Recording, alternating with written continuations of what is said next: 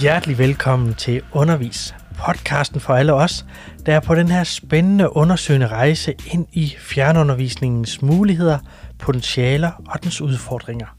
Jeg er din vært, Jakob E. Hansen, og lad os starte ud med agendaen for dagens episode. Jeg har talt med Johanne Myggen, som er mor til Esra og Leo Maxwell, som er værterne bag podcasten Corona for børn. Det vil sige, at Esra og Leo lige nu lærer en helt masse ved at producere podcast, og så følger de også med i den fjernundervisning, som deres skoler leverer. Og det læringsmix dykker vi ned i lige om lidt.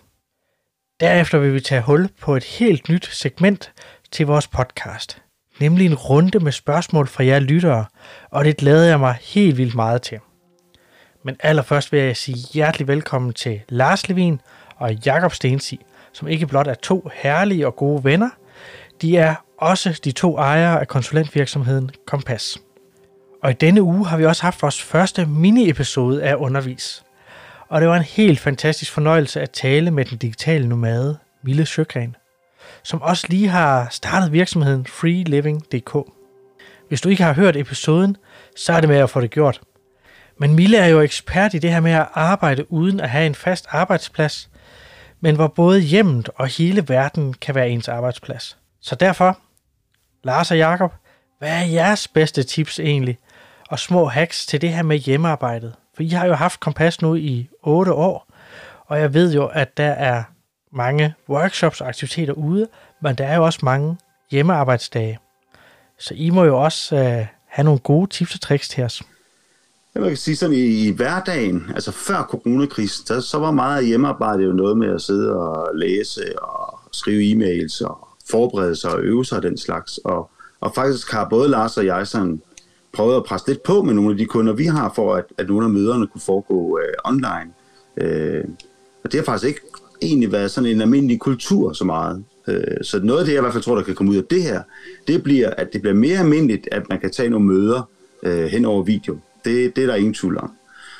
Og så synes jeg bare, det er meget sjovt det der, fordi min kone og jeg, vi sad og snakkede om den anden dag, at øh, det er da egentlig mærkeligt, at man ikke har et større sådan, øh, at man ikke er mere sulten på at se nogle af vennerne og bekendte og familie og sådan noget. Og så snakker vi om, det måske var faktisk fordi, at vi alligevel i virkeligheden har set rigtig mange mennesker hver dag. Altså vi har faktisk været i en interaktion med nogen og har grinet sammen med nogen og fået noget, øh, noget reaktion den anden vej fra med nogle ansigter og sådan noget. Så måske det er derfor, at det ikke virker helt så ensomt, som man egentlig skulle tro, det var. Ja. men men jeg er enig med dig, Jacob. Jeg kan godt huske, at vi har snakket meget om det førhen. Hvorfor kan vi ikke få kunder eller andre til at være med på, på den her video?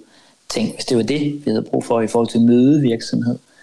Jeg tror, på det tidspunkt, jeg skal være helt ærlig, så tror jeg faktisk, det, det er bundet i noget forfængelighed eller noget andet, eller man ikke rigtig turer sådan øh, agere på det her video. Når vi så er i den her situation, hvor det ikke kan være anderledes, så, så smider vi alt, hvad vi har, og så er vi på. Mm. Det jeg så også har fundet ud af, synes jeg, det er, at jeg er meget, meget mere på, end hvis jeg var øh, til stede. Jeg kan, ikke, jeg kan ikke på samme måde sådan lige tjekke ud bare i 30 sekunder. Det kan jeg simpelthen ikke. Jeg er simpelthen på hele tiden. Det trætter mig rigtig meget. Jeg tror faktisk, det også har noget at gøre med den der, jeg har ikke brug for at se flere mennesker faktisk. Ja. Og jeg fornemmer også, at med nogle af de møder, jeg har deltaget i, man har mere behov for det der med virkelig at, at lytte aktivt, end man måske gør til, til et fysisk møde, hvor man godt lige kan zoome lidt ind og ud mentalt, hvis der er mange deltagere osv. Men man er ligesom nødt til at afkode de andre meget mere, øh, og, og virkelig også at kunne, kunne respondere. Ikke? Altså man, man lytter, synes jeg egentlig, mhm. bedre faktisk måske. Man er virkelig opmærksom på de mindste nuancer der. Men jeg synes også noget, der virkelig øh, satte nogle tanker i gang med mig, det er også det der med, at man jo hvert fald i nogle brancher, det, altså, og, og noget arbejde, det kan man jo virkelig tage med sig, og man kan mm. med telefonen i lommen og, og, og så videre, at, at man kan jo godt tage på eventyr.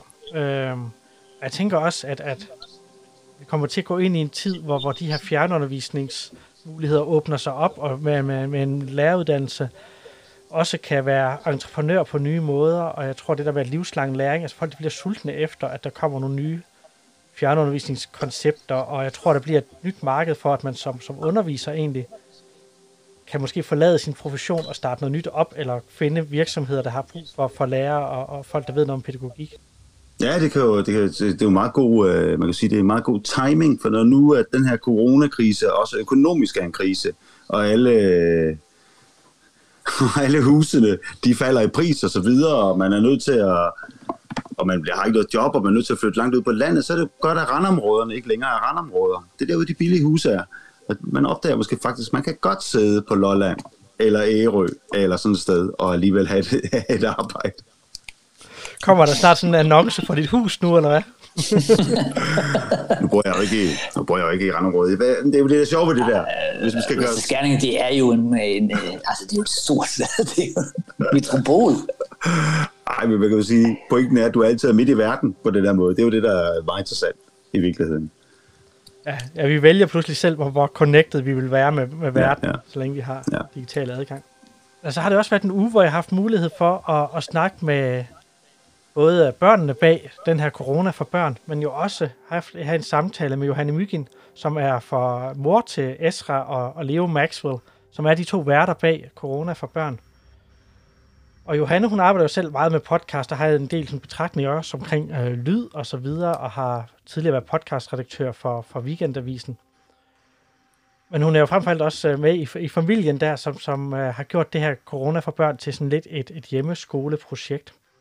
Og jeg kunne rigtig godt tænke mig sådan at prøve at dele min øh, samtale øh, med Johanne med jer nu. Og så har vi lagt det ud som en lille bonusepisode, at man også kan gå tilbage og høre 6. episode af, øh, lidt forkortet version af 6. episode af Corona for Børn i, i vores podcast feed også. Så lad os øh, dykke ned i samtalen med Johanne nu. Altså den måde, vi kører det på, det er, at de er værter, og så, øhm, og så har vi bedt en masse børn, både i Danmark og i udlandet, om at, ligesom at komme med nogle reportager fra, hvordan det ser ud i deres land. Øhm, så, og så har jeg ligesom sådan sagt, at når man havde en reportage fra for eksempel USA eller sådan noget, så var det også Estras opgave ligesom at researche lidt på, hvordan situationen var i USA. Ikke? Mm. Øhm, så de første par afsnit, vi lavede, de handlede faktisk meget om verdenssituationen, og nu er det sådan lidt mere Danmark. Altså det er igen det, der jeg spekulerede på. Jeg håber helt vildt meget, at en masse folkeskolelærer vil tage det her medie til sig og bruge den i sin undervisning og alle de her ting. Det vil være enormt dejligt. Men jeg tænker også, at det kunne altså være ret dejligt, hvis der var nogle nogle lærere og nogle forældre, der bare brugte det til at have den der intense oplevelse af at have et barns stemme i sine høretelefoner. Ikke? Hvad sker der så? Hvad er det for en inspiration, man får af det? Men jeg kunne også tænke mig, I har vel sådan et mix af, af det her familieprojekt omkring at lave corona for børn, eller I har jo også øh, din veninde og, og hendes øh, børn er jo med, barn er med. Og så, og så er der vel også noget, han har sagt hjemmeskole fra, fra børnene af. Hvordan ser, hvis vi lige starter med, hvordan ser det hjemmeskole ud, som, som er skoler tilbyder øh, jeres børn? Ja, altså på en måde, så tænkte jeg sådan, altså, at, at der var rigtig meget hjemmeskole, som Altså, det er meget skægt, hvis jeg skulle sige det sådan. Jeg har børn på to forskellige skoler. Og det ene er en øh, øh, folkeskole, som Københavns Kommune har lavet øh, for internationale børn. Altså for, altså for danskere med... Altså det er fordi deres far er englænder. Og det er en meget ambitiøs og meget elitær skole og den anden er vores lokale folkeskole her i Sydhavnen, som er kendetegnet ved at have et enormt blandet elevbaggrund. Og jeg synes faktisk, at den sidste skole, den lokale skole, har gjort det bedst, fordi den i meget højere grad har accepteret, at situationen er en anden, og at den ikke skal kræve så meget af forældrene. Så den har haft nogle enormt fine ting med at bage en kage, gå ud og samle fire forårsture, ting på tippen, øh, lave et eksperiment med noget med noget æg og noget eddike eller sådan, hvor at jeg oplever meget, at den anden mere elitære skole, som også, altså det er jo selvfølgelig også, der er vi oppe i 6. klasse, er ekstremt bange for, at det ligesom skal komme efter lærerne, at de, øh, at de ikke ligesom gør det, de plejer. Så, altså, så min dreng har for undervisning i billedkunst ja. og i musik. og det, og der er, altså det, det er bare meget slående, hvor styret skoleundervisningen er, og hvor svært det faktisk er for mange lærere at improvisere noget nyt, selvom at situationen jo virkelig kræver det. Ikke? Jeg tænker også, det viser jo meget godt, at, at skolerne selv, han altså, at rigtig meget er op til dem selv at prøve at finde ud af, hvad, hvad er nødundervisning egentlig, eller hvad er det for en fjernundervisning, de vil levere. Øh, så man oplever det jo inden for samme kommune, øh, meget, meget forskellige bud på, hvordan skolerne prøver at løse det. Altså, jeg synes, det, det afslører mere end noget andet. Og det er jo sådan en ting, det er jo, at vi lader som om, at det, der foregår på en skole, øh, er undervisning. Altså, vi har jo en meget sådan stærk ideologi i vores samfund om, at, at børn går i skole for at lære noget. Men når så lige pludselig at skolen sættes ud af funktion, så kan vi jo pludselig se, at det man også lærer i en skole, det er, at skolen passer vores børn, så vi kan gå på arbejde. Mm. Og det faktisk er en af dens allervæsentligste funktioner. Øh, og at, øh, at når, og, og at det største problem lige nu jo ikke er, at børn ikke skal lære noget, fordi der er masser af børn, der kunne lære deres forældre, det ved skolelærerne godt, men at forældrene faktisk ikke har tid fordi de skal arbejde derhjemme nu. Ikke? På den måde synes jeg, det, er sådan, det, det skærer noget ud i pap for os på en eller anden måde, der er ret interessant. Jeg tror, min pointe er bare, at det faktisk vender lidt op og ned på, hvad begrebet ressourcestærk er. Fordi at hvis du for eksempel øh, har et job som journalist, du forsøger at passe hjemmefra, så har du, det, altså det er kun fordi, at jeg er arbejdsløs lige nu, at jeg har plads til at lave et projekt. Ja. Ja. Altså hvor at, at jeg tror, at de børn, der er heldigst lige nu, de forældre, det er børn, der har forældre, der for eksempel er pædagoger, der er sendt hjem, mm.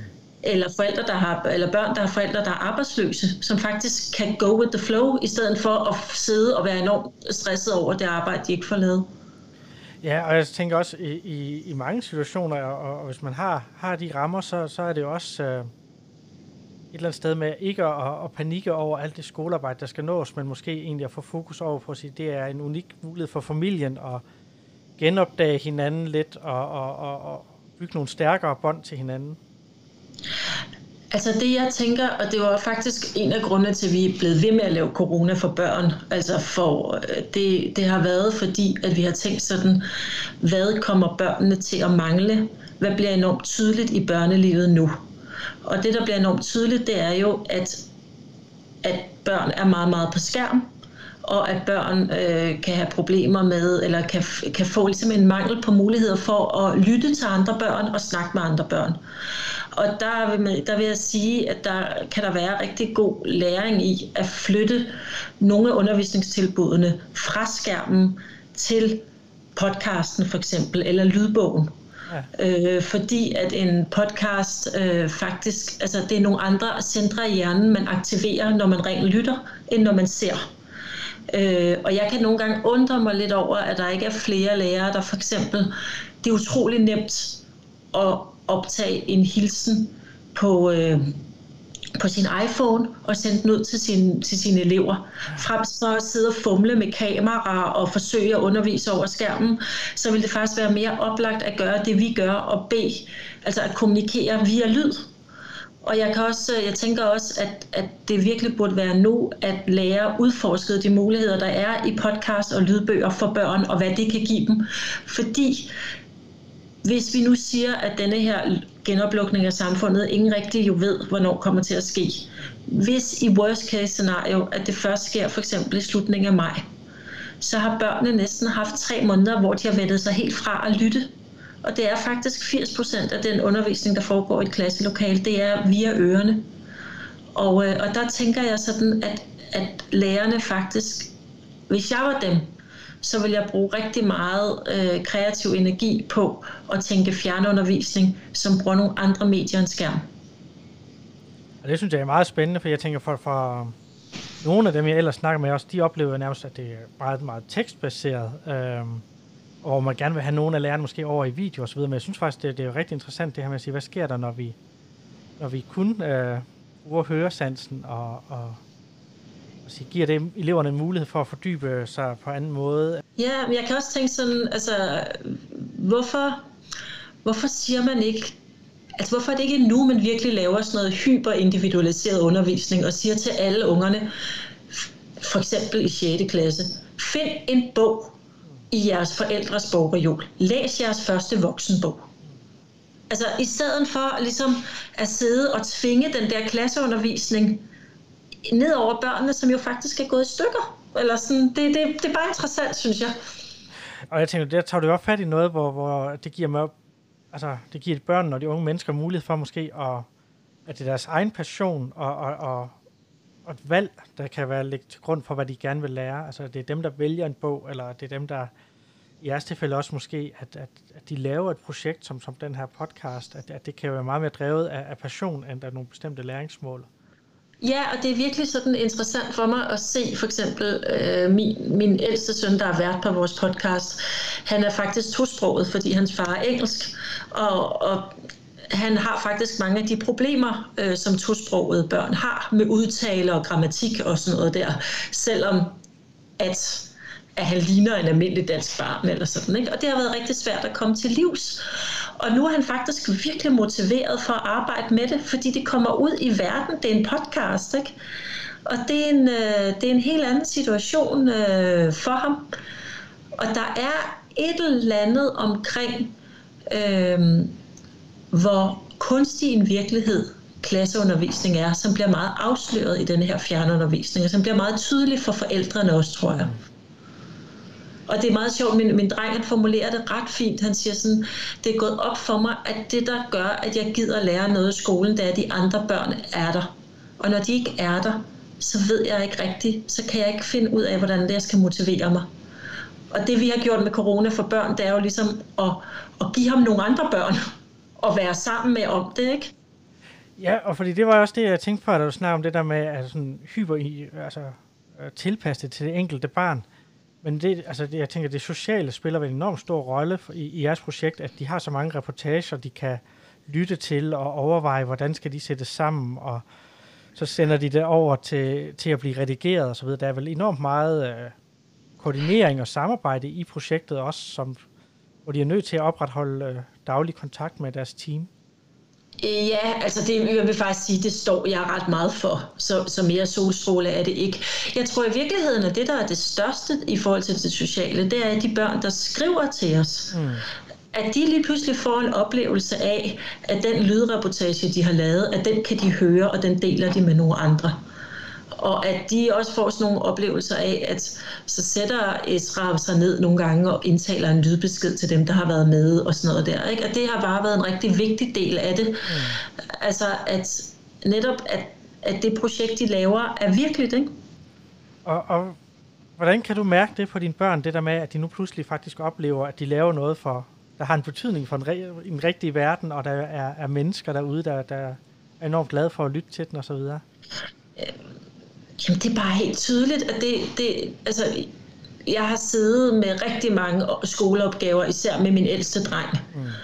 Og han har virkelig været svær at motivere. Altså, han har virkelig hadet det. Der er bare, altså, det har aldrig kaldt på ham. Lektier har aldrig kaldt på ham. Og jeg har nogle gange haft svært ved det, fordi at, øh, at lektier, jeg kunne godt lide at lave lektier. Altså, jeg har været gladere for at gå i skole, end han var. Men jeg har faktisk overhovedet ikke haft nogen problemer med at motivere ham til at lave corona for børn. Fordi jeg er sådan lidt sådan, jamen Dorte og Lulu, der klipper den, de skal jo have det kl. 11, kom nu. Mm. Altså der er en naturlighed i det. Øh, der er en grund, altså der er et, et, et klart sådan, formål med at lave corona for børn, som han ikke har følt i sine almindelige lektier normalt. Senere i min samtale med Johanne Mygin kom vi omkring det her med podcast for og produceret af børn, og også omkring, hvordan podcast kan bruges i skolen. Og den del af samtalen hopper vi frem til nu.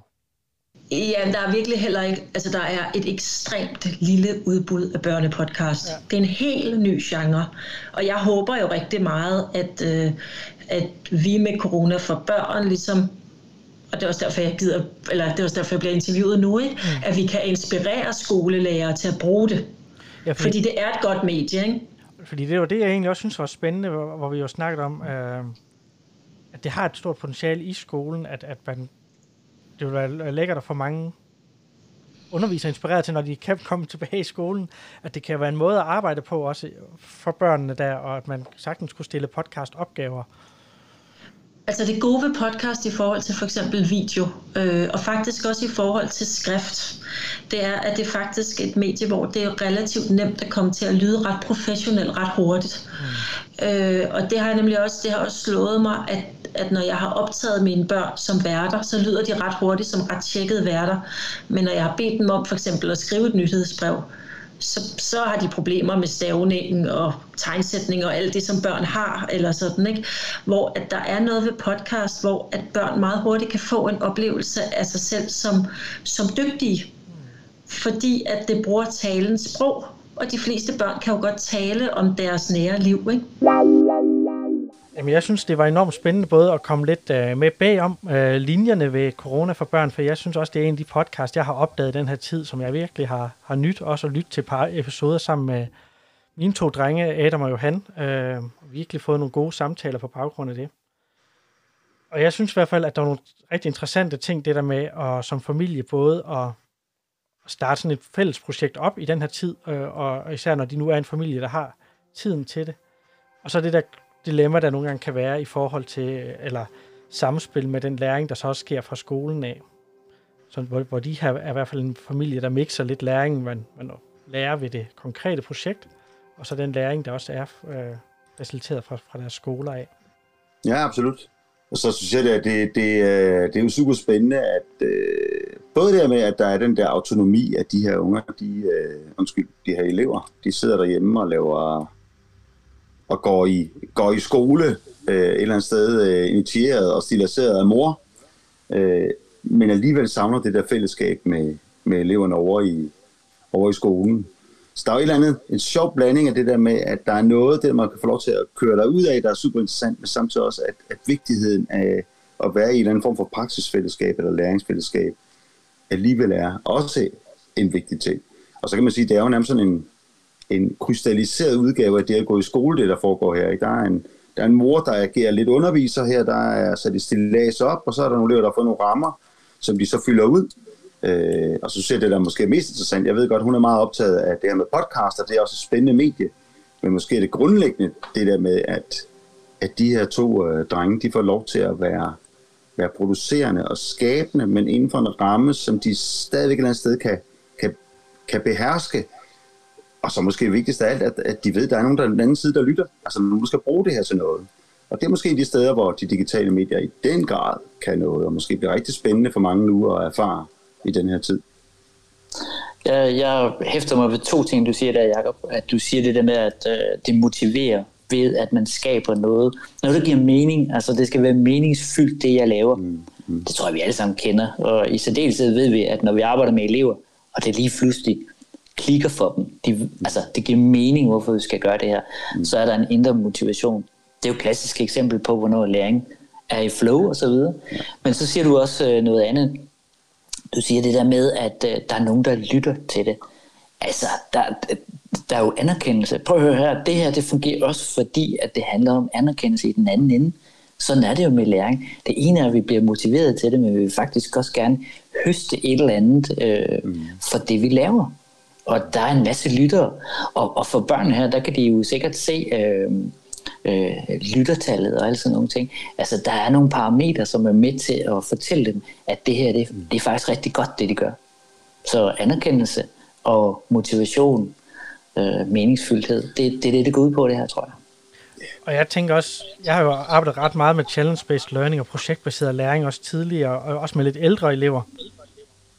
Og det jeg oplever, det er jo, at tror mange mennesker, vi egentlig motiveres mere af at skabe værdi for andre, end selvom vi er nysgerrige og gerne vil lære, men følelsen af at skabe værdi, den, den kan nogle gange overgå den der naturlige motivation for at lære noget.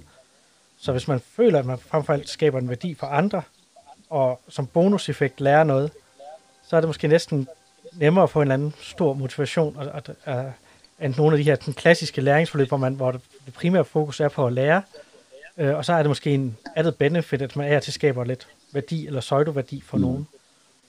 Der går jo helt Brinkmann i dig nu, øh, Jacob Hansen her. Det er jo fantastisk. Det er helt rigtigt. Altså, det, i virkeligheden så er det simpelthen, nu siger du det der challenge-based, og nu, nu får du mig tændt, fordi nu begynder vi at snakke læring og så videre.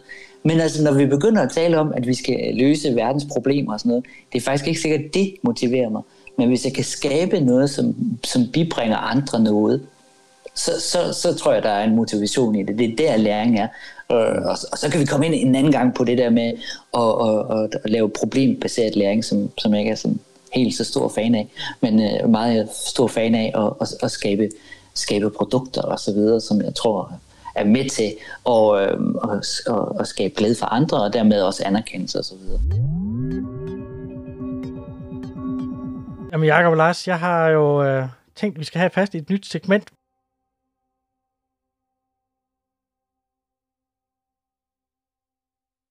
hvor lytterne kan stille lidt spørgsmål. Og, og vi har jo fået et par spørgsmål ind allerede til, til den her episode.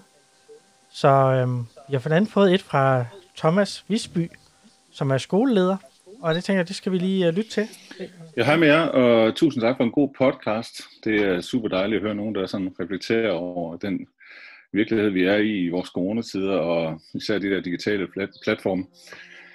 Mit øh, navn det er Thomas Visby, jeg er skoleleder på Vestgerne Friskole på Sydfyn, og vi er nu øh, sådan tre uger henne i øh, nedlukningen, og øh, det har selvfølgelig været en stejl læringskurve for at få øh, sådan de digitale platforme op at stå, og det har været en, en spændende op, øh, oplevelse.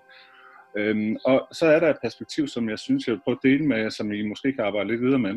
Det er nemlig det, at øh, vi har en gruppe elever, i, specielt i overbygningen, til dels også i mellemtiden, som til synlædende faktisk, i hvert fald i nogen grad, profiterer af øh, at få et, et nyt fordybelsesrum ved, at de sidder hjemme og arbejder. Og det betyder simpelthen, at de, øh, det, øh, det er både noget, de selv siger, men også noget, vi kan konstatere, at de leverer simpelthen øh, arbejde af højere kvalitet, end de plejer. Og så skulle man jo åbenbart tro, at, øh, at det ville være sådan en gruppe, hvor det var, det var de ressourcestærke, der, der profiterede af det. Men, men det er ikke et entydigt billede. Vi er jo lidt tidligt i forløbet, det er tre uger, vi har at referere til. Men, øh, men det tyder på, at der også er øh, elever, som øh, sådan har, hvad skal man sige, og jeg kalder det opmærksomhedsforstyrrelse, men, men sådan kan lade sig forstyrre, lad, lad, lad os sige det sådan, af, af den trumrum, der er i et almindeligt klasserum. Øh, ved at de øh, ikke har det omkring sig, så har de faktisk en, en større oplevelse af at fordybe sig i, deres, i det stof, som de skal arbejde med. Og så det, der så oveni er super interessant, det er så, at mange af dem, øh, de godt kan lide at have, øh, at vi arbejder på Zoom-platformen, hvor vi kan lave sådan hangout rooms. Og de kan faktisk godt lide at være i et hangout room øh, i baggrunden, mens de arbejder. Det vil sige, at de er sådan lige øh, sådan lidt på café hvor de sidder og fordyber sig, men de ved, at deres klassekammerater, de er, de er lige om hjørnet, men de også arbejder. Man kan sådan lige høre en, en kaffekop, eller ah, det er jo nok måske en brudeflaske, øh, der klæder i baggrunden. Og det, det setup, det, det profiterer de af, og det er som sagt både nogen, der er ressourcestærke, men også grupper af elever, som øh, har sværere ved at arbejde i skolen. Så det perspektiv, det er i hvert fald noget, som vi på Vestgern Friskole prøver at arbejde lidt videre med. Og der er nogle flere erfaringer at holde øje med nogle ting, og det kunne da være interessant, at I også øh, prøver at tage det perspektiv frem, fordi så prøver vi at se, kan vi faktisk i virkeligheden komme ud med en skole, der er endnu bedre? Kan vi planlægge os til noget, der er endnu bedre? Øhm, og det handler selvfølgelig ikke om, at de skal sidde hjemme og arbejde hele tiden, men det kan være, at man kunne indlægge nogle dage, hvor man bruger det her perspektiv. Så held og lykke med det, og prøv prøv med podcasten. Jeg glæder mig til at høre mere. Hej. Det øh, er meget, meget, meget spændende, det der. Øhm, det, for nogen tangerer det jo nærmest til uhyggeligt, at, øh, at det fungerer til sydlandet for nogen bedre på den måde her. Og hvad, hvad er perspektivet så? Det synes jeg er super, super spændende. Men jeg tror også, at vi allerede i i episode 1 talte om øh, alt det, vi kan trække med os, altså det, vi kan lære af det her. Jeg håber virkelig, jeg håber virkelig, der er nogen, der samler big time op på de erfaringer, der foregår lige for øjeblikket. Fordi der er ingen tvivl om, at øh, Thomas har fat i et eller andet her, som øh, er vanvittigt spændende.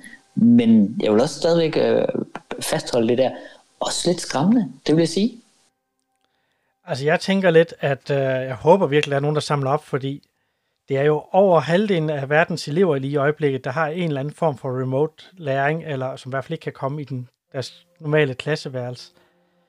Men jeg kan jo også selv genkende noget i det. Jeg har altid af en eller anden grund arbejdet rigtig godt i, hvad vi er, hotellobbyer eller caféer, eller, men jeg kan også genkende det, han siger, det der med at have et eller andet Zoom-møde, der er sådan lidt uformelt, øh, som kører lidt ved siden af, og hvor man er til at tjekke ind med folk. Øh, så jeg, jeg kan godt genkende, hvorfor det kan fungere for mange af de der elever. Øh, jeg, synes faktisk også, det der med at arbejde hjemmefra, som jeg har gjort meget de sidste par år, fungerer enormt godt for mig, i stedet for at stå ved et hæve i et kontormiljø, som jeg også har prøvet. Altså, jeg tænker bare, der er, at der er flere aspekter i det der, fra, den her, fra det, som Thomas snakker om. Altså, der er både det her med, hvad de som skole lige pludselig bliver opmærksom på. Altså, bare det, at de bliver opmærksom på det, er jo interessant. Altså, at vi bedriver skole. Der var også mange, der snakkede om, i den første del af den her coronatid, snakkede om forskellen på fjernundervisning og så den rigtige skole, eller den virkelige skole. Så vi har et eller andet fastfrosset billede af, sådan ser rigtig skole ud. Og så er vi så, det hedder også nødundervisning, vi er tvunget over i den her situation. Øh, og det, det kan jo være, at det er en uh, disruption, der foregår lige nu, man opdager nogle andre ting. Det er i hvert fald noget af det, som Thomas selv erfarer. Han har opdaget noget. Og så bare lige til det der med at arbejde på den måde, som det synes jeg fører er mega sjovt. Læg fører mærke til, at Thomas kalder det for hangout rooms og ikke breakout rooms. Øh, det er sikkert en fortalelse, men i virkeligheden er det det, der foregår. Øh, og der er faktisk lavet nogle undersøgelser i forbindelse med, over i Silicon Valley, øh, hvornår at folk, der arbejder der i Silicon Valley, altså masser af sådan nogle programmører og sådan nogle, der arbejder med idégenerering og sådan nogle ting, hvor de var mest effektive henne. Og det viste sig faktisk, at det var, når de sad på Starbucks og sådan nogle steder. Det var faktisk det, at de oftest var mest effektive. Øh, så det er måske lidt den samme, de oplever, de her elever på, på den her friskole her. Ja, jamen det bliver jo i den grad en friskole, når de kommer tilbage efter det her. Ikke? Altså, det du kan bare vælge, hvor du vil være henne. Jeg synes, ja. jeg, jeg vil fastholde det der lidt, lidt skræmme noget der. Ja. Øh, og jeg, jeg elsker, når du siger det der disrupted, fordi jeg bliver også sådan revet lidt i stykker omkring de her ting her. Fordi mm. det skal jo være sådan, at eleverne skal profitere mest muligt. Mm. Mm. Og gør de det derhjemme, eller gør de det i de der grupper der, hvad skal vi så gøre, når vi kommer tilbage? Mm. Det er jo sindssygt spændende det her, ikke? Ja, det er det. Altså, jeg, jeg, jeg elsker jo også at arbejde med de fysiske læringsrum, også og, og design af skoler og, og så videre, og hvad er et læringsmiljø. Og jeg tror også bare, at vi i rigtig mange steder jo har undervist i en meget, meget klassisk øh, undervisningsrum med en tavle og, og nogle bestemte forskning om, hvordan borgerne skal stå og, og så videre.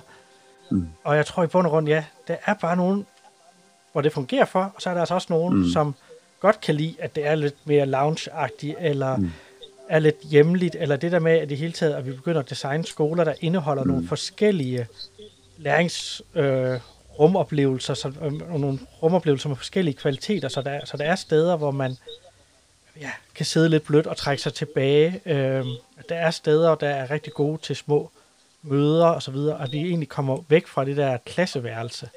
Det, det vil jo være mit håb, at man ligesom ser, at, at det er ikke klasseværelse, der måske skal være modellen for, hvordan det gode læringsrum ser ud. Nej, man kan i hvert fald sige, at øh, måske den sidste uge her har i hvert fald måske bevist, at det ikke er det fysiske klasseværelse, der definerer skole.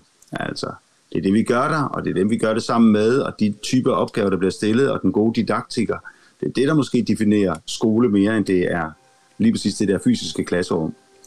Det er ikke sagt, at verden vil se bedst ud, hvis alle sad derhjemme og gik på online skole. Det er ikke det, jeg siger, men der er i hvert fald, man kan finde ud af, hvad er det, der har, den, hvad er det, der har værdi, finder man nok ud af her. Det har ja. vi også været inde på i et tidligere afsnit.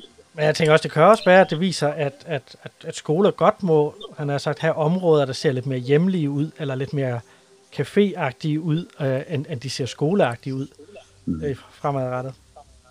Der er meget samlet op på. Jeg vil bare sige, jeg tror simpelthen aldrig, vi har været i en tid, hvor vi øh, i den grad kan blive så meget klogere på læring, som vi er i nu. Vi er presset ud i en situation, hvor vi for pokker skal samle op på det her, fordi det er, det er, en, det, det, det er virkelig en periode, som vi kan, vi kan lære noget af. En af de andre lytter, der har haft en masse gode spørgsmål til omkring, hvordan det her egentlig påvirker vores øh, skole, også fremadrettet, det er Søren Storm, som også har efterladt en øh, lydbesked til os. Så lad os øh, lytte til Søren. Hej, det er Søren Storm fra Almeneviv Fællesskole. Jeg er skoleleder herovre. Allerførst så synes jeg, at jeg vil give en stor credit til både lærere og pædagoger for at øh, have taget det her til sig, og på en til to uger have engageret sig fuldt ud på, øh, på det, der hedder fjernundervisning. Og øh, det må bare sige, det er det er meget imponerende, øh, så meget, at, øh, at vi har udviklet os som skole, og ikke mindst øh, tænker jeg, at lærerpædagogerne og ikke mindst eleverne har udviklet sig omkring fjernundervisning. Jeg har følgende spørgsmål, som jeg godt kunne tænke mig belyst, følgende dilemmaer. Og det handler om arbejde med klassefællesskabet. Hvordan sikrer vi gennem fjernundervisning, at eleven fortsat føler sig som en del af et klassefællesskab? Øh, punkt nummer to, det er efter de her tre uger med fjernundervisning plus en ferie, hvordan sikrer vi så fortsat, at eleven kobler sig på fjernundervisning, altså selve motivationsdelen? Og her tror jeg, at fællesskabet har rigtig meget at sige. Jeg har også en anden ting omkring øh, de her skrøbelige familier, som, øh, som jo ikke helt øh, har de samme ressourcer øh, til at, øh, at følge deres barn og, og hjælpe deres barn med det rent tekniske. Øh, hvordan øh, sikrer vi, at øh, læring for de børn, der er i de sårbare familier, øh, familier, som ikke er ressourcestærke, det er et dilemma, et stort dilemma. Øh, og ikke mindst, jamen, øh, kan fællesskabet og arbejde med fællesskabet så også være ekskluderende, når det er, at vi ikke får arbejde med, med de her sårbare familier, i hvert fald ikke får adgang til dem. Øh, det var mine dilemmaer. Jeg håber, at de øh, selvfølgelig løser dem. Nej, det ved jeg godt, at det måske ikke er muligt, men øh, glæder mig til at høre, hvad I får, får drøftet om derinde. Hej hej. Ja, som jeg hører øh, Søren, så har han jo faktisk fire sådan underspørgsmål her i det. Og det ene, det er jo, hvordan vi sikrer øh, gennem fjernundervisning, at eleverne stadig føler sig som del af, af fællesskabet. Og øh, det ved jeg jo, det er jo noget af det, I har arbejdet rigtig meget med de sidste par uger. Så, så skal jeg ikke lige... Øh, Lars, har du øh, nogle bud på det?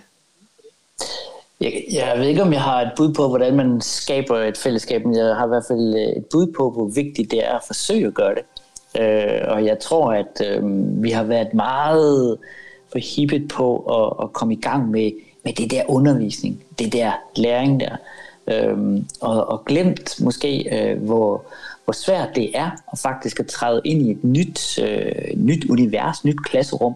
Så jeg tror, man skal bruge rigtig, rigtig, rigtig lang tid på ikke at lave noget, der, der sådan er, er undervisningsorienteret, men simpelthen lave sjov sammen. Det må godt være rigtig, rigtig skægt at være sammen. Jeg tror, det der med at vi forsøger at bygge et fællesskab op, der er simpelthen så, så sjovt at komme til, at jeg glæder mig til, at vi skal ses igen i morgen. Ikke? Altså lege derinde, grine af hinanden, og, og alle de der ting, som, som, som gør et fællesskab. Ikke?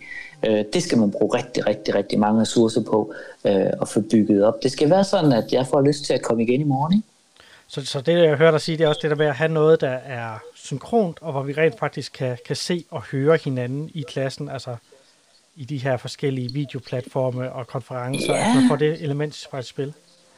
Vi skal se hinanden, altså vi skal, vi skal opleve, at hov, der er vi alle sammen. Ikke? Ja. Men, øh, men, men vi skal lave alle mulige ting, som, som er det der, der var frikvarteret i gamle dage også. Ikke? De der snakke, der skal til. Det må ikke kun være der, hvor lærerne er på. Læreren skal i den grad facilitere, at eleverne kan være sammen. Men læreren må meget, meget gerne slukke sit kamera og lade børnene simpelthen bare øh, pjatte igennem. Og det synes jeg jo faktisk var en af de pointer, som øh, Rasmus Toft han delte med os i, i første episode, at øh, det der med, at de havde nogle Zoom-møder med deres elever, hvor, hvor der blev åbnet op 10 minutter inden, og at, at læreren ikke lige lukkede ned med det samme, sådan, så det var lidt det, ligesom ved det klasserummet. Og så har jeg jo selv to børn, der har, hvor al undervisning de første tre uger har gået foregået gennem tekstbeskeder i Aula. Og øh, så lige pludselig her for to dage siden, så havde de deres første Google Meet øh, i min ældste søns klasse. Og, og de skulle bare lige have mikrofonerne til at fungere. De skulle lige øh, udveksle lidt, øh, ja, sådan sjov ballade, som du sagde. Og man kunne bare mærke, at hans humør det var så meget højere resten af dagen. Og, og de gentog det så her i, i fredags også, og, og igen en, en stor succes. Og, og nu tror jeg, de er helt anderledes klar til at få bygget noget, øh, noget mere læring ind i det også, men bare det der med, at man kunne mærke, at, at der var, var de pludselig en del af fællesskabet, som man ikke er, når, når det er tekstbeskeder på Aula. Men han snakkede jo også om den her motivation, øh, og, og det der med, at efter tre uger med, med fjernundervisning, og nu kommer der en påske osv., så, videre, så han griber også lidt ind i det der med, at kan vi få eleverne til at blive logget på igen, og, og committe sig 100% til, til en ny omgang fjernundervisning efter påsken. Hvad tænker I om den udfordring? Hvordan kan man... Øh, han har så et indbygget lille påskeæg, der gør det er lidt sjovt for ja, eleverne at komme ja. på igen her efter påsken. Ja, vi snakker jo allerede øh, motivation i starten af udsendelsen, hvor vi, øh, hvor vi lyttede til Johanne, øh, og vi, vi snakkede om det at skabe og lave meningsfyldthed. Så, så hvad med, at man, man prøvede på en eller anden måde at fokusere på, hvordan kan man som elev være med til at bidrage til, til øh, fællesskab, men også bidrage til undervisning. Lad være med at lade det være side 47 i matematikbogen, men, men prøve i stedet for at, at bruge det, der er omkring os. Altså, hvor det er meningsfuldt for eleven, for barnet, at, at være med til at skabe noget. Og hvis man så kan gøre det i nogle fællesskaber også, at man kan bygge noget i fællesskab, selvom man er på, altså på lang afstand af hinanden, så, så, så tror jeg, der ligger noget motivation i det. Men det er jo, det er jo sjovt at øh, overhovedet stille spørgsmålet. Ikke? Fordi havde det nu været helt almindelig skole, så havde vi ikke haft den samme snak om, hvordan sikrer vi, at eleverne efter en påskeferie er topmotiveret for at komme tilbage. Der vil vi bare forvente, de er tilbage, og de gør, som de plejer. Så det er det jo også bare med igen. Jeg ved godt, vi kredser lidt om det samme, men det er jo bare med igen til hele tiden at sige, at den her situation har også gør, gjort, at der er blevet kickstartet en eller anden form for didaktisk ild, øh, både hos Søren her, men jeg synes også, vi kan høre flere af de lærere, vi har mødt på vores vej.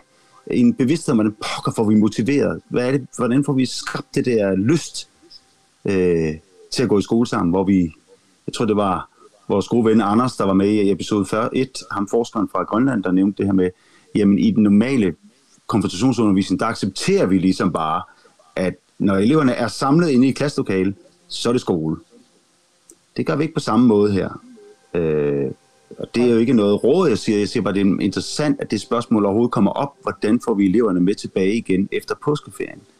Det spørgsmål ja, du har, har ret sikkert... Ja, men jeg synes, der er en anden spændende ting i det, fordi hvis jeg tænker tre år, ti år tilbage, eller bare er lidt ærlig over for mig selv, så ved jeg jo også godt, at efter en ferie, så kan det godt være, at jeg er på arbejdspladsen, eller for 30 år siden var i klasseværelset øh, der som elev, øh, og det var efter påske, og man kunne godt sige, at han er et sted, og man finder ind i rytmen.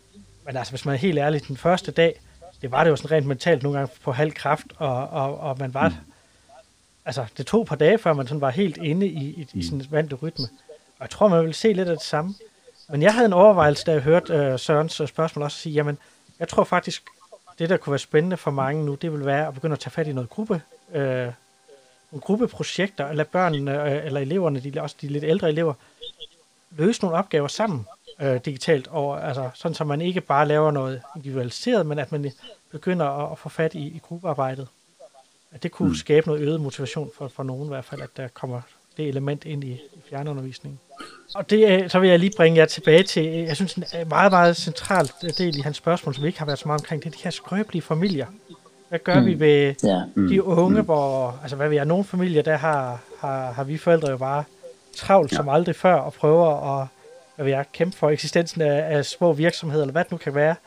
Øhm, og, og i andre familier, der har man god tid til at hjælpe sit barn. Nogle de er måske øh, godt gearet til at hjælpe deres børn med det her tekniske setup, og andre er ikke osv. Og, og det synes jeg egentlig var rigtig spændende ved, ved Sørens øh, spørgsmål også. Sige, hvad gør vi ved de familier, der en, en eller anden årsag ikke har mm. tiden eller muligheden for at hjælpe børnene, både med det læringsmæssige og, og, og det tekniske omkring den her mm. fjernundervisning? Mm.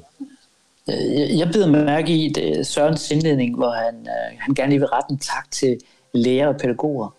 Og øh, jeg, jeg kunne godt have tænkt mig at spørge ham om, øh, øh, hvordan, øh, hvordan arbejder pædagogerne også i, i, øh, i den her tid her? Altså de ressourcepersoner, som ligesom som kan noget der øh, omkring øh, børns trivsel og sådan noget, hvordan er, hvordan er deres arbejde i den her periode her? Det synes jeg er vanvittigt spændende. Er IKT-læger og andre, mm. øh, kobler de også ind her? Eller hvordan arbejder det? Det, det er faktisk noget, jeg ikke... Øh, ved så meget om og hørt så meget om, men det kunne være rigtig spændende at vide noget. Jeg har faktisk, øh, jeg har faktisk ringet lidt rundt her, for lige at høre til, i forhold til det her spørgsmål om, om de elever, som, som falder igennem i den her periode.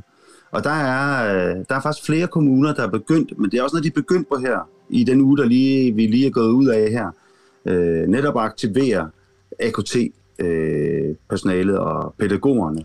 Og det er faktisk sådan, altså helt konfrontationsagtigt, de kører ud til de familier, hvor de ikke kan få fat i, eller de ringer til dem. Øh, der er jo også stadigvæk en nødpasning mange steder, hvor der faktisk er en undervisning. Jeg hørte lige om et, om et sted i Nordsjælland, hvor, øh, hvor der var en familie, hvor der ikke var sådan økonomisk så ressourcestærkt, hvor, øh, hvor man ikke havde en enhed til alle de børn, der nu skulle sidde derhjemme og have fjernundervisning. Øh, og der kørte de en, en pædagog fra, fra kommunen simpelthen ud med en låneenhed og sørgede for, at eleverne kom på og sådan ting. Så det er nok den der, ligesom vi snakker om at insistere på fællesskabet, så er der også noget med at konstant at insistere på, at de elever, der falder igennem, ikke falder igennem. Øh, og måske er det jo i virkeligheden også noget af det, man også gør, når vi er sammen i skolen. Altså det er jo også meget en, en speciel pædagogisk approach, det er at insistere. Man kan ikke forvente, at dem, der ikke har ressourcer, de også bare står allerforrest og beder om at få hjælp. Sådan er det jo desværre ikke tit. Øh. Nej, man kan sige hele beredskabet, oh, det er sådan en mm. frygtelig ord at bruge omkring undervisning, men det skal jo stadigvæk være aktivt. Det er jo ikke kun mm. læreren og, og færdighederne, der mm. altså hele det, som vi er vant til at trække på, skal jo også være aktivt her. Det jeg også nogle gange har tænkt uh, i den her tid, det er, at, at det her det, det er sådan ligesom opskalere eller forstørre og tydeliggøre egentlig bare de eksisterende udfordringer og, og vanskeligheder i, og skævheder i vores uddannelsessystem. For det er jo ikke sådan, at de her, øh, altså, det bliver bare nemmere pludselig at se, at der er nogle børn, der virkelig har øh, nogle udfordringer i forhold til at få teknologien til, sat i spil, eller som ikke har nogle forældre, der lige kan hjælpe dem med det ene eller det andet fag, eller så videre. Mm. Men dem har vi også til daglig. Jeg tænker nogle gange, det her det er bare som om, det er sådan et forstørrelsesglas, der gør, at vi måske kan se nogle ting lidt mere mm. klart, mm. end vi vil kunne til daglig. Og jeg håber, at man, man ikke bare tænker, at det forsvinder igen, når vi er tilbage i klasserummet, men at man egentlig begynder at arbejde med de der problemstillinger, øh, eller har fået nye idéer til, hvordan man kan arbejde med problemstillingerne. Og så kan man jo sige, at det er jo ikke så mærkeligt, at det, at det er svært for mange at navigere i det her. Altså i virkeligheden, så er det der differentiering jo et skidesvær øvelse for alle. Altså også, om vi så havde coronakrise eller ej, om vi var i klasse, det er jo noget, der kræver et, øh, et super didaktisk overskud, og mange af de lærere, der har skulle stå for det nu, har jo også skulle selv finde ud af både noget helt konkret teknisk, og hvordan pokker navigerer vi med klasserumsledelse i det her. Jeg kunne godt tænke mig lige at, at udfordre dig også lidt, Jacob, fordi du sagde også tidligere det her med, at vi skal insistere på, at læringen skal ske, eller hvis den skal være insisterende. Men han har Udfordrer med endelig. Ja, Søren, han har jo også i sit spørgsmål det her med, altså det her med at insistere på fællesskabet, eller at noget af fjernundervisningen er ligesom bygget op omkring at der skal være en eller anden fællesskab, og de skal logge på et sted og skal se hinanden. Og det egentlig på en rundt kan være med til at ekskludere, fordi det, jeg oplever nogle af de steder, det er jo, at de på en rundt er rigtig flot, hvis de har 70 eller 75 procent af deres elever på i de her møder. Øh, det er i hvert fald sådan nogenlunde den procent, jeg ser sådan i, i min drengs klasse også. Øhm, så kan det her egentlig med at insistere på fællesskabet og, og lade dele af fjernundervisning være bundet op på, at tingene skal ske i fællesskab på bestemte tidspunkter, kan det på noget rundt måske endda ekskludere nogen, der endnu mere. Ja, hvis man ikke gør det. Jeg skal først lige, vil jeg gerne øh, korrigere dig. Øh, jeg siger ikke, at vi skal insistere på læring. Det er der ikke nogen, der kan. Vi kan jo sætte rammer op, så læring kan foregå, øh, forhåbentlig. Øh, nej, det jeg sagde, det var at insistere på fællesskabet. Og, øh, og det er måske lige præcis det. Måske er det ikke nok at være tilfreds med, at 75% kommer på, medmindre man ved, at de 25%, der ikke kom på, det er der en god grund til jeg er med på, at, øh, at rigtig mange er udfordret den her tid, og det er måske bare det, man lige skal følge op på og sige. Og så skal man så ikke være helt vildt krakisk, hvis øh, den elev eller den mor eller far, man får fat i, siger, at det nåede vi simpelthen ikke i dag, fordi vi havde så meget at skulle se til. Det er noget andet. Men jeg tror, det der, og Lars har været inde på det før, det der med at blive set, det der med at blive hørt, øh, og det der nemt kan ske her, det er, at vi sidder med et kæmpestort Zoom-møde foran os, og så ser vi, åh, oh, der mangler lige Camilla. Nå, det er der ikke noget at gøre ved. Nu kører bussen. Øh, og der er det måske det der med at efter mødet og sørge for, at vi skal have fat i Camilla, vi skal have fat i Camillas forældre, eller hvad det nu er, og finde ud af, vil hun gerne have været på, eller hvorfor var hun ikke på. Og måske i højere grad, end vi er vant til øh, i sådan den, den daglige undervisning her. Øh, det kan jo være, at det bare er, fordi man ikke ved, hvordan man skal logge ind. Jeg synes, de to sidste dele af, sådan et spørgsmål mindede også mig lidt om det her med, at, han altså, at vi har et beredskab for han altså, brand eller alle mulige andre ting, men jeg synes, den her gang, det var ret tydeligt, vi havde ikke et beredskab for, hvad gør vi, når skolen lukker, når det hele flytter mm. online. Øhm, og da vi snakkede tidligere om det her med teknologien, og hvad gør vi med de, de øh, elever, der har svært ved lige at logge på, og jeg ved jo, nogle steder, der har man haft, øh, jamen altså, jeg har snakket med en skole, hvor man har Google Classroom, men man har ikke rigtig fået det brugt indtil nu. Og så når eleverne først er hjemme, øh, og i det tilfælde er nogle af computerne stadig faktisk, deres Chromebooks, de er på, på skolen og ikke kommet hjem til eleverne her to-tre uger efter. Altså, hvordan er det, man egentlig sikrer sig, at man har en, en beredskabsplan for, for det her i fremtiden fremadrettet, sådan så man er bedre forberedt, så man ved, okay, hvordan er det, vi sikrer, hvis man nu har en strategi, og det kan jo nogle steder give god mening om, at computerne eller iPadsene primært er på skolen, hvordan sikrer vi, at hvis det her sker igen, at de kommer ud? Eller hvordan sikrer vi, at de digitale platforme, vi bruger i vores skole eller vores kommune, mm. at, at der er tutorials, der gør, at det er super nemt for familierne at hjælpe deres børn i gang med de her platforme, uanset alder og så videre. At man ligesom har et beredskab, der definerer, hvorfor nogle platforme bruger vi, hvordan instruerer vi dem, der ikke er kommet på de her platforme og så videre. Mm. Hvem tager sig af at lave tutorials? Det tænker jeg i hvert fald, at vi kan lære af, at, at vi har i mange år forberedt os på at lave brandøvelser, men vi har måske bare ikke haft fantasi til at tænke, at, at vi kunne sådan risikere at skulle lukke ned på den her måde. Lurer mig om ikke også, der kommer et hav af kommissorier og sager efter det her. Så der skal nok komme et hav af beredskaber, som så kan vise komplekse, at ingen ved, hvad pokker, de skal fungere. det var alt, hvad vi kunne nå for i dag. Tak fordi du lyttede med. Sidder du med spørgsmål eller emner, som du synes, vi skal tage op, så hører vi rigtig, rigtig gerne fra dig. Via appen Anchor kan du efterlade en lydbesked, som dog maks kan være op til 1 minut. Der er et link i bunden af shownotesene hertil, og du er selvfølgelig også velkommen til at skrive til os. Det kan du gøre via e-mailen undervis Og du kan selvfølgelig også gerne sende en lydfil med den vej igennem via den kanal. Husk at abonnere på podcasten, så du ikke misser nogle af de spændende episoder, vi har planlagt til dig i den kommende tid. Og del podcasten med dine venner og kolleger. Hvis du deler, så kan du give denne podcast vinger. Tilbage har jeg blot at sige, tusind tak fordi du lyttede med. Ha' en fantastisk påske, og husk, undervisere er hemmelige superhelte uden kappe og tak til de skønne mennesker fra Kom2G for samarbejdet og støtten til denne podcast. Husk, vi kan holde god corona-afstand og stadig være tæt på hinanden digitalt.